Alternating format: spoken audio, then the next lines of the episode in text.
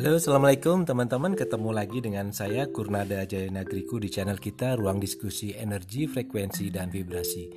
Kita membahas masalah keseharian kita ditinjau dari sudut pandang energi, frekuensi, dan vibrasi. Teman-teman, kemarin kita sudah membahas tentang dua tombol rezeki yang kita aktifasi ya. Ada tombol rezeki semua makhluk dan tombol rezeki karena usaha.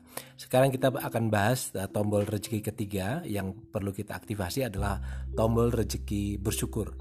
Nah, teman-teman, ketika tombol rezeki karena usaha telah diaktifasi, maka tombol berikutnya yang perlu diaktifasi adalah tombol rezeki karena bersyukur.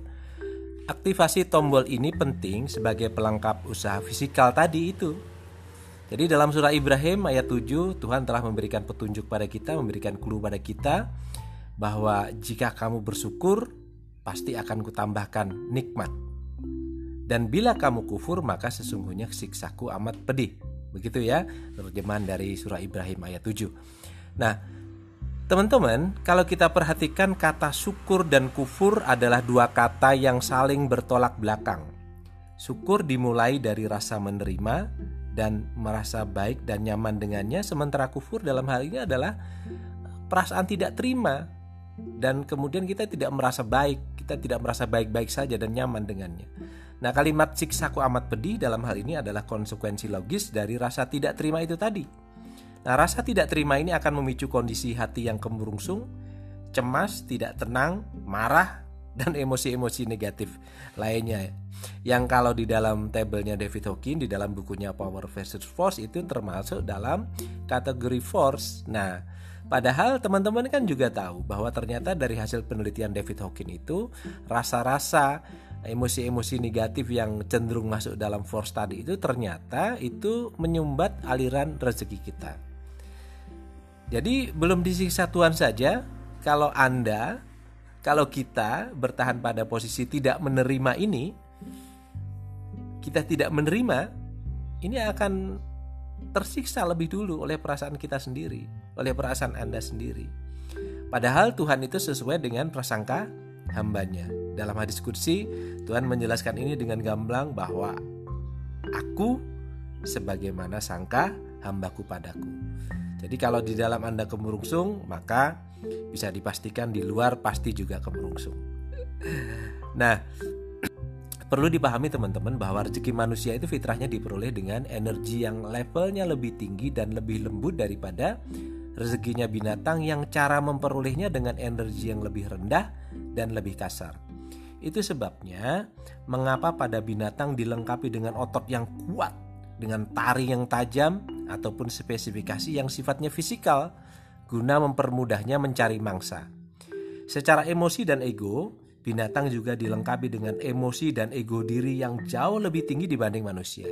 Itulah cara mereka bertahan hidup dan mencari rezekinya. Itulah cara binatang menjemput rezekinya dengan kekuatan fisik dan emosi yang menunjukkan kekuasaannya. Barangkali kalau dalam skala Hawking ya, binatang ini dominan duduk di level force. nah jadi teman-teman, manusia kan tidak seperti binatang.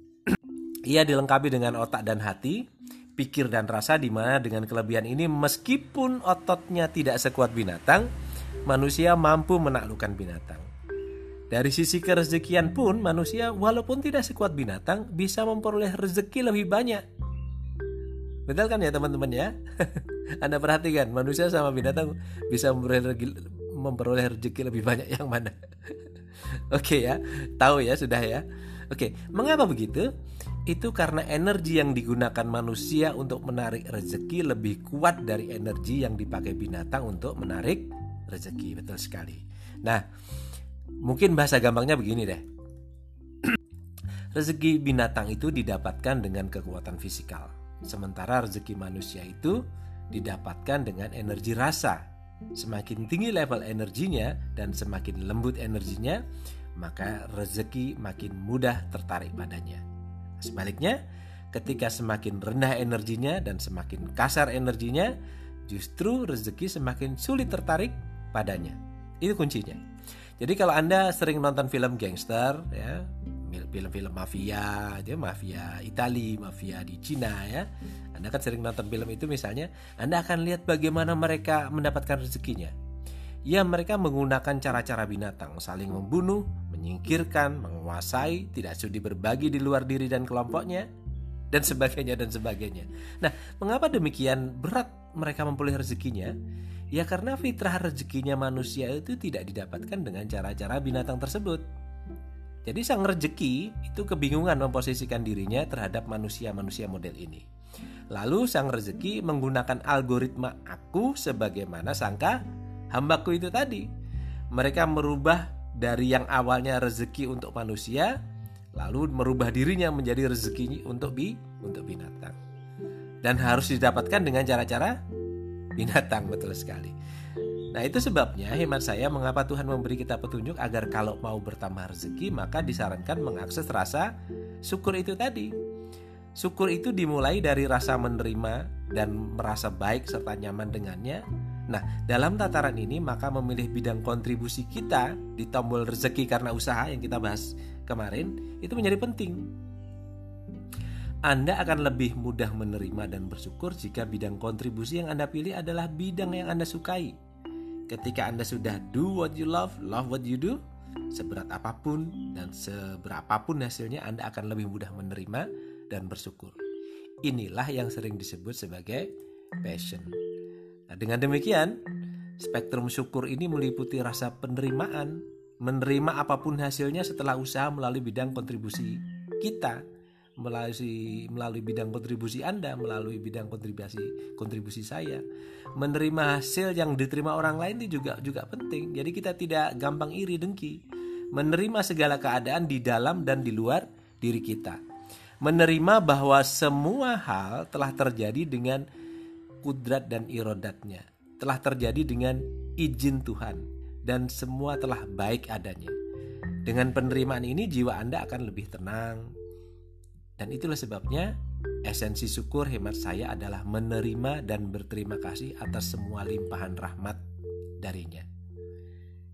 Jika kamu bersyukur, pasti akan kutambahkan nikmatku padamu. Begitu ya, bunyi surah Ibrahim ayat 7 tadi itu.